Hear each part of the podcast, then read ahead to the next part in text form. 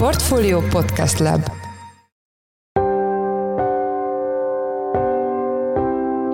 Mindenkit üdvözlünk, ez a Portfolio Checklist szeptember 13-án szerdán. A mai műsor első részében a Putyin Kim Jong-un csúcsot értékeljük abból a szempontból, hogy mit árulnak el a tárgyalások Oroszország nemzetközi pozíciójáról. Oroszországból nézve sem egy különösebben felhőtlen dolog az, hogy Észak-Koreával kell tárgyalni, ráadásul ilyen körülmények között, de ugyanakkor valószínűleg itt az lehet a metódus, hogy ha már találkozni kell, akkor legalább úgy kell tenni, mintha ez nekünk jó lenne. A témáról Takácsi Dorka Oroszország szakértőt, a Center for Euro-Atlantic Integration and Democracy kutatóját kérdezzük. Az adás második részében Ursula von der Leyen az Európai Bizottság elnökének szerdai az Európai Parlamentben elmondott beszédéről lesz szó. A politikus ebben a formában utoljára értékelte az unió helyzetét, legalábbis jelenlegi ciklusában. Ezzel kapcsolatban Szabó Dániel, a Portfolio EU-s ügyekkel foglalkozó elemzője lesz a vendégünk, aki a beszéd helyszínéről Strasbourgból jelentkezik. Én Forrás Dávid vagyok, a Portfolio podcast szerkesztője, ez pedig a checklist szeptember 13-án egy rövid szünet, és jövünk vissza.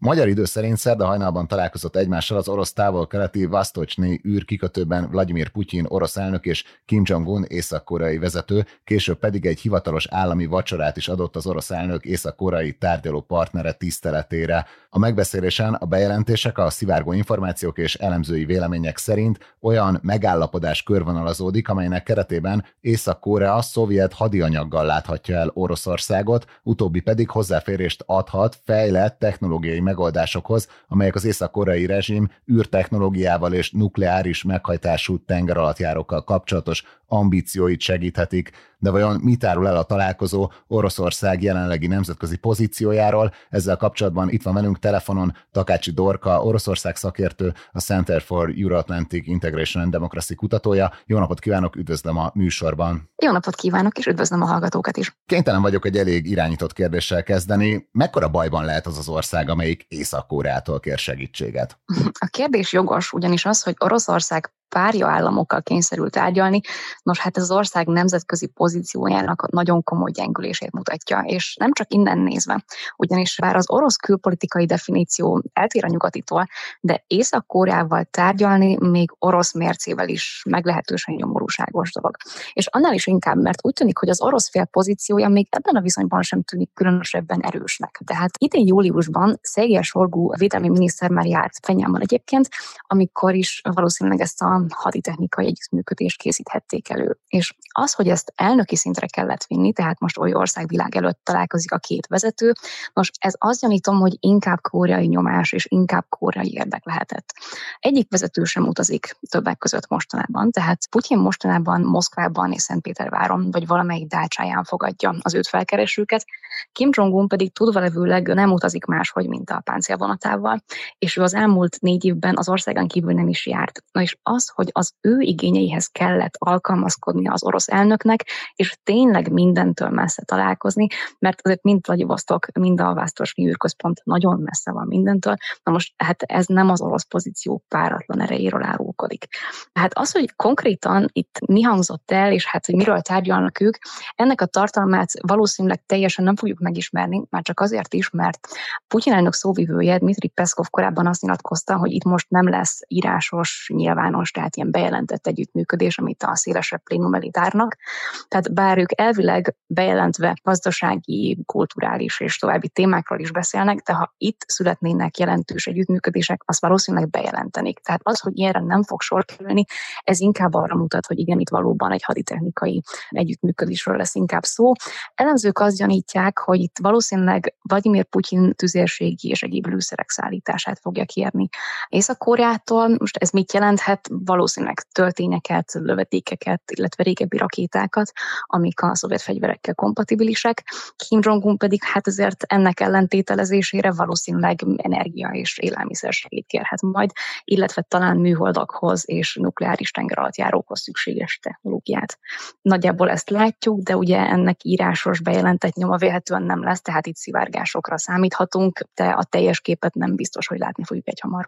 Arról lehet-e valamit tudni, hogy milyen a találkozó vagy a találkozó előkészületeinek a, a média reprezentációja Oroszországban? Ugye Putyinnak voltak még talán tegnap is olyan nyilatkozatai, amiben az utolsó pillanatig lebegtette, hogy egyáltalán személyesen találkozik a Kim Jong-unnal. Így van, ez valóban így történt. Ennek ellenére a találkozó megtörténtét azért az orosz sajtó meglehetősen jól dokumentálta. Tehát itt úgy gondolom, hogy valami olyasmi történhet, hogy bár ez a találkozó, ez ugye úgy tűnik, hogy azért inkább tehát média szempontból azért inkább észak jön jól, tehát mint említettem, azért Oroszországból nézve sem egy különösebben felhőtlen dolog az, hogy észak kell tárgyalni, ráadásul ilyen körülmények között de ugyanakkor valószínűleg itt az lehet a metódus, hogy ha már találkozni kell, akkor legalább úgy kell tenni, mintha ez nekünk jó lenne. És akkor ennek megfelelően most már azért az orosz médiában meglehetős figyelmet kapott, és meglehetősen jól van narrálva. Tehát itt annak a prezentálása történik, hogy ez milyen jó, ez orosz érdek is, mennyire csodálatos. Na most a valóság azért ettől jelentősen eltér, úgy gondolom. És ez mennyire bonyolíthat meg egy potenciális orosz-észak-koreai együttműködést, vagy mennyire okozhat egy ilyen meghasonlást az orosz külpolitikai pozícióban, hogy hát egészen néhány évvel ezelőttig Oroszország tulajdonképpen egy hajóban nevezett a nyugattal, amikor szankciókat vezettek be Észak-Korea ellen, ugye az ország atom és rakétaprogramja miatt, tehát hogy ezt a kettősséget hogy lehet majd feloldani? Ennek a feloldásáról igazából nem tudom, hogy, hogy most például lesz szó. Én úgy gondolom, hogy talán nem. Tehát az talán egy túlságosan nagy lépés lenne. Tehát úgy gondolom, hogy ez itt annál egy jóval óvatosabb közeledés azt gondolom, hogy azért Oroszországnak Észak-Koreával ellentétben van veszteni valója. Tehát az, hogy most például az észak-koreai vezető tett olyan kijelentéseket, tehát nagyon erős retorikai kiállás mutatott, hogy ilyeneket mondott, hogy mindig Oroszország mellett fognak állni. Na most Észak-Koreának viszonylag kevés veszteni valója van. Oroszországnak ellenben még azért akad. Tehát azt gondolom, hogy azért ők a szankciókat eltörölni Észak-Korea ellen. Most ez azért egy olyan lépés lenne, amire én most nem számítok és a közeljövőben sem. Tehát azért ez egy, ez egy meglehetős, a jelenleginél is nagyobb elkeseredettséget tükrözne. Térjünk rá egy kicsit még az orosz gazdaságra. Főleg Oroszországhoz köthető propaganda termékekben jelent meg, de a közösségi médiában is elég nagyot fut, hogy Oroszország Németország helyébe lépett volna Európa legnagyobb gazdaságaként, és hogy már a világ ötödik legnagyobb gazdasága lenne. Természetesen már a felvetés is hamis, hiszen a hivatkozott GDP adatot azt vásárlóerő paritáson mutatták ki, ami per capita, tehát fejenként mérve a különböző országok életszínvonalának összehasonlítására alkalmas, így egyben pedig igazából nem nagyon mutat semmit. Egyébként, ha ugyanezeket az adatokat nézzük, akkor egy főre vetítve a német GDP vásárlóerő paritáson meghaladta a 63 ezer dollárt 2022-ben, az orosz pedig a 37 ezret sem érte el. De a kérdésem az, hogy helyese az a meglátás, hogy a vártnál talán eddig kisebb lyukat ütöttek az orosz gazdaságon a nyugati szankciók. Ezzel az idézett statisztikával kapcsolatban azért azt szerintem fontos elmondani, hogy ugyanebben a rangsorban Pakisztán például megelőzi Hollandiát, az pedig mégsem árasztotta el a közösségi médiát, hogy a pakisztáni gazdaságába hagyta volna a Hollandot. A szankciókról pedig hát azt érdemes látni, hogy valóban az előzetes jövendőlésekhez képest mind a nyugat, mind Oroszország kevesebb veszteséget hozott össze egyébként eddig a szankciókból. Ugyanakkor az, hogy az orosz gazdaság mondjuk mondhatjuk, hogy akkor meglepően jól muzsikál, na most azért ennek vannak gazdasági törvényszerűsége, amik ezt magyarázzák. Tehát például, amikor egy ország háborús gazdaságra vált, tehát Oroszországban jelenleg a hadipar azért hasít három műszakban termel, akkor jellemzően nő a GDP. Tehát ezt figyelembe kell venni, Ugyanakkor azt is látjuk, hogy ha a költségvetésre nézünk, hogy a bevételek azok elmaradnak. Tehát úgy beslik a szakértők, hogy 6-7 ezer milliárd rubelt költhet idén az orosz gazdaság a hadseregre, ami nagyjából a másfél kétszerese annak, mint amennyit békeidőben költenek rá. Most ez az állami költségvetéseknek több mint 30 százaléka. Tehát ez egy meglehetősen nagy szám, ugyanakkor a bevételek, tehát a bevétel viszont nem nőtt, tehát hogy akkor honnan van pénz, hát valószínűleg jelen pillanatban azt a nemzeti jóléti alapot élik fel, amit olajexportőrként korábban az ország megtöltött. Tehát itt van egy félretett tartalék, ez a nemzeti jóléti alap, ami nagyjából a GDP 8%-ának felel meg, és ezt élheti fel az ország. Tehát valószínűleg jelenleg ezért nem látunk nagyobb mértékű visszaesés az orosz gazdaságban, mert még ezt élik fel, Ugyanakkor tekintve, hogy ennek a felélése zajlik, aminek nincsen utánpótlása, ennek hosszú távon nyilvánvalóan meg lesznek a hatásai. Nagyon szépen köszönjük, hogy itt volt a műsorban. Az elmúlt percekben Takácsi Dorka, Center for Euro-Atlantic Integration and Democracy kutatója volt a checklist vendége. Köszönjük szépen, hogy a rendelkezésünkre állt. Köszönöm szépen, viszontlátásra!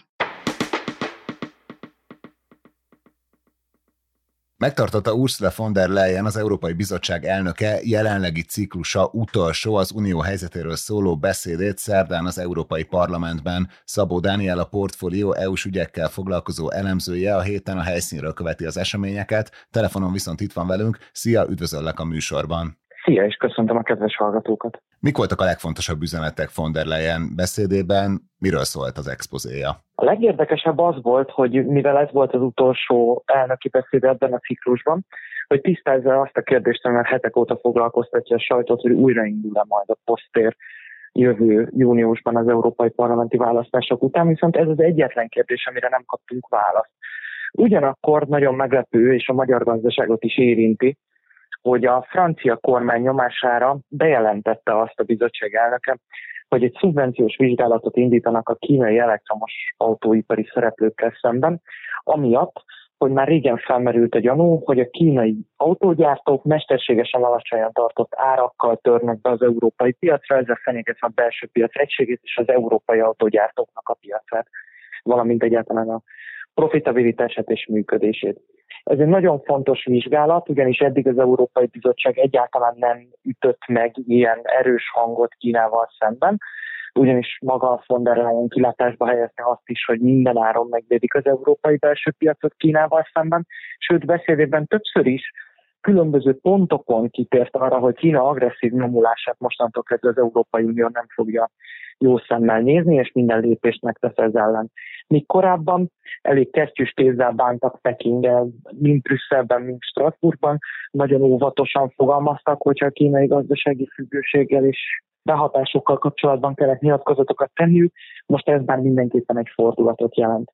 A bizottság elnöke azt is bejelentette, hogy a mesterséges intelligenciában nem csak lehetőség van, hanem veszélyeket is hordoz, ezért az Európai Unió egy új szabályozást dolgoz ki, amelyet nem egyedül akar alkalmazni, hanem megpróbál egy nemzetközi koalíciót kialakítani a kérdésben, bevonva például az Egyesült Államokat is abban, hogy megfelelő technológiai szabályozást dolgozzanak ki. Emellett itt a helyszínen a legtöbben arról beszélnek, hogy beszédében Ursula von der Leyen világosan jelezte, hogy az EU kész arra, hogy újabb tagállamokkal bővítse az államszövetséget, kiemelte már beszédében is Ukrajnát, Moldovát, a nyugat-balkáni országokat és Grúziát is, ami pedig abba az irányba mutat, hogy a francia kormánynak az elmúlt időszakban tett nyilatkozatai szerint már rég egy 30 fős Európai Unióban kellene gondolkodni, az nem süket fülekre talált Brüsszelben, és elindulhatnak mindenféle olyan bővítési folyamatok, amelyek akár felgyorsíthatják ezeknek az országoknak a csatlakozását is.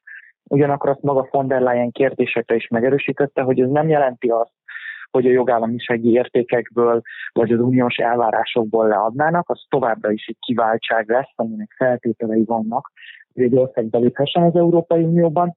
Ugyanígy a, tagállam, a már meglévő tagállamok közötti integrációt és kooperációt is erősíteni akarják, azonban fontosnak tartják azt, hogy a geopolitikai kihívásokra egy olyan választ adjanak, amiben már nem 27 uniós tagállam van, hanem 30 vagy 35. Beszéljünk egy kicsit erről a szubvenciós eljárásról. Ez mennyire tehet keresztbe annak az ipari nyomulásnak Kína részéről, aminek a reprezentációja Magyarországon leginkább az óriási méretű és számosságú akkumulátorgyárakban, illetve az ezt kiegészítő ipari jelenlétben jelenik meg?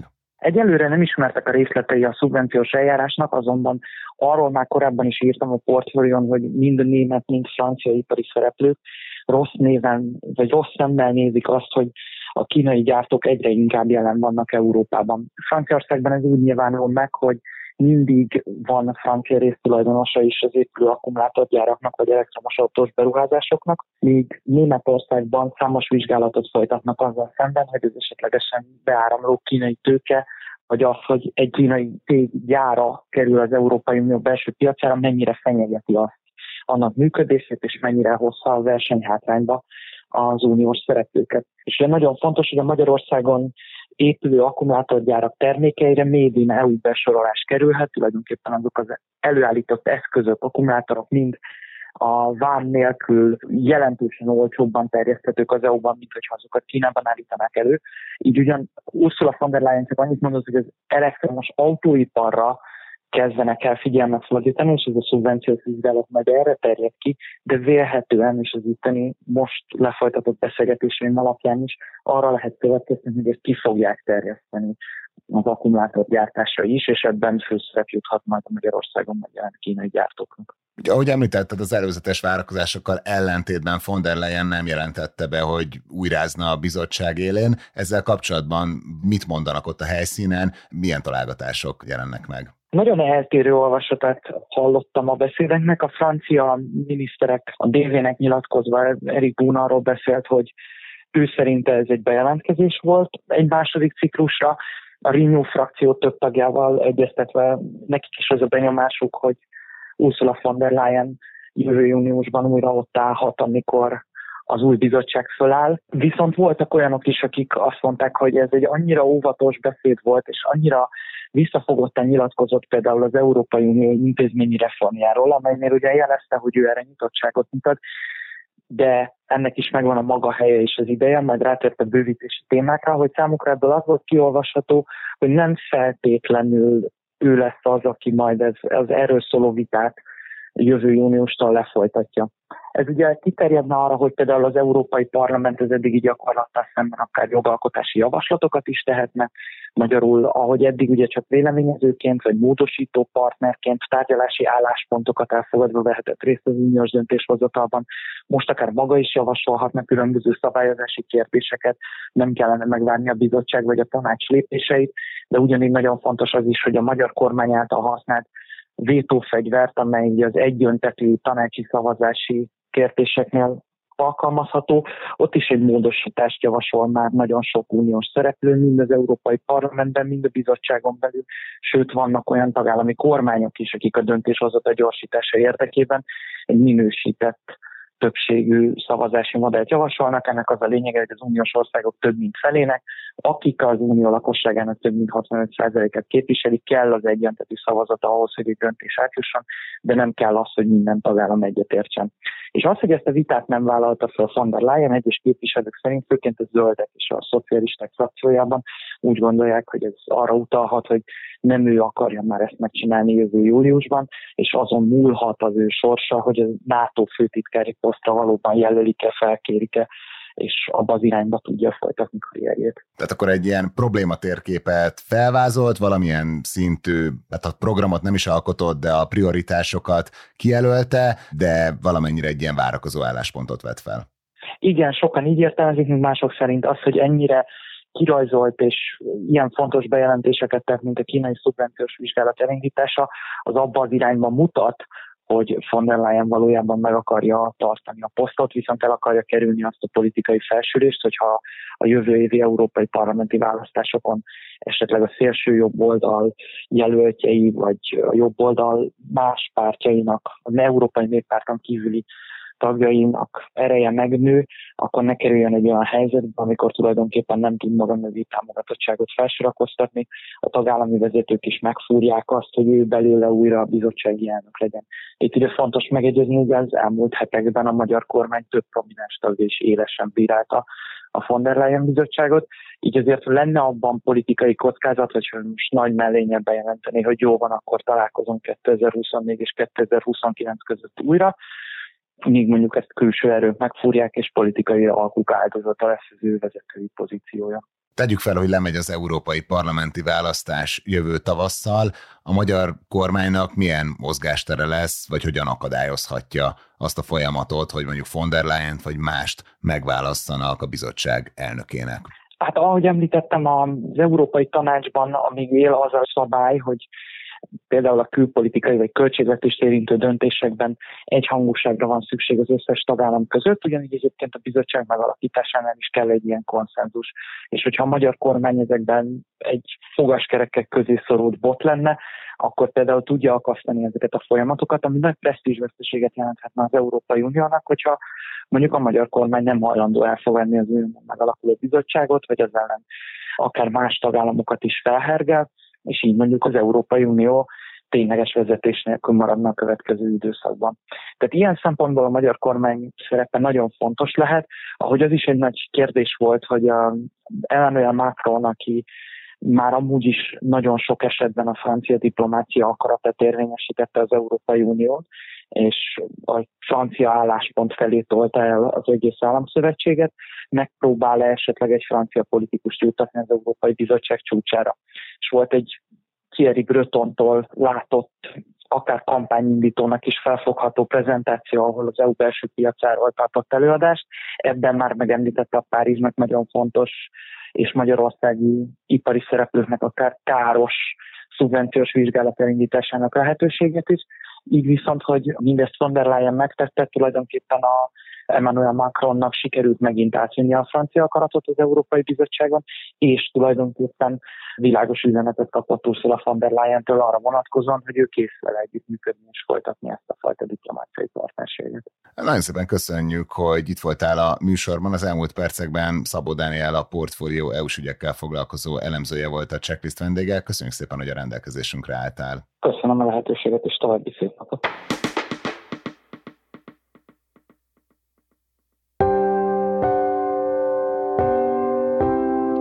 Ez volt már a Checklist, a Portfolio munkanapokon megjelenő podcastje. Ha tetszett az adás, iratkozz fel a Checklist podcast csatornájára bárhol, ahol podcasteket hallgatsz a neten. A mai adás elkészítésében részt vett Bánhidi Bálint, a szerkesztő pedig én, Forrás Dávid voltam. Új adással holnap, azaz csütörtökön jelentkezünk, addig is minden jót kívánunk, sziasztok!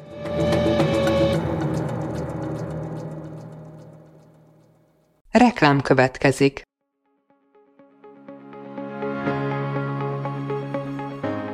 Raúl Müller Lajos vagyok, az Agrárszektor főszerkesztője. Májusban két tematikus konferenciát is rendezünk Kecskeméten az agrofood szektor szereplőinek. A május 22-én tartandó Portfolio Agrofood 2024 konferencia az élelmiszeripari vállalkozások, beszállítóik, a szolgáltató cégek és a kereskedők számára nyújt egyedi betekintést az aktuális trendekbe. A május 23-án megrendezendő Agrofuture konferencia pedig egyedülálló módon tematikus formában foglalja össze a hazai agrárgazdaság fenntarthatósági követelményeit és innovációs lehetőségeit. Jöjjön elő is, részletek és jegyek a portfolio.hu per rendezvények oldalon.